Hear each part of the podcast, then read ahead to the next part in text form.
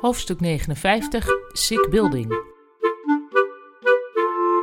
Stella, zei Kavia. Ja, zei Stella, zonder op te kijken. Er is iets van human resource-achtige aard dat ik even met je wil bespreken. Stella keek op. Je bent toch niet zwanger, mag ik hopen? Nee, natuurlijk niet, antwoordde Kavia. Goddank, zei Stella. Het was even stil. Kavia besloot opnieuw te beginnen. Ik was even langs bij Harm Jan en ik heb het idee dat het misschien niet zo goed met hem gaat. En dat is nieuws? Nou, het leek nu of er echt iets mis was. Hij lag met zijn hoofd op tafel. Hm, zei Stella. Dank voor de melding. Ik ga dit in de gaten houden.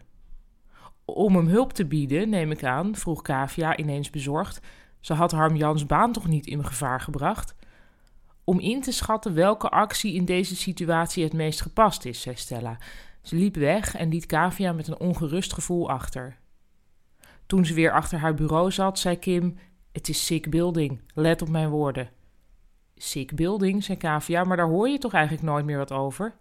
Nee, omdat iedereen die er gevoelig voor is inmiddels ZZP'er is geworden, zei Kim onheilspellend. Het is iets in je neuronen en als je dan de hele dag in een afgesloten betonnen hok zit, ja, wat haar ja precies betekende, wist Kavia niet. Maar nu zag ze die arme Harmjan met zijn gevoelige hormonen belaagd door blokken beton. En misschien had zij hem nu. De telefoon ging. Afdeling communicatie met Kavia. Een heel goedemiddag, schreeuwde iemand met een ondefinieerbaar accent in de hoorn. Ik wilde graag wat communicatie kopen bij u, mag dat? Hé, hey, Enzo, zei Kavia, je moet beter oefenen met je stemmetje, want dit heb ik natuurlijk zo door. Jammer, zei Enzo. Ik deed echt mijn best. Maar goed, waar ik voor bel, ik neem aan dat je keihard aan het werk bent de komende dagen. Uh, ja, zei Kavia neutraal.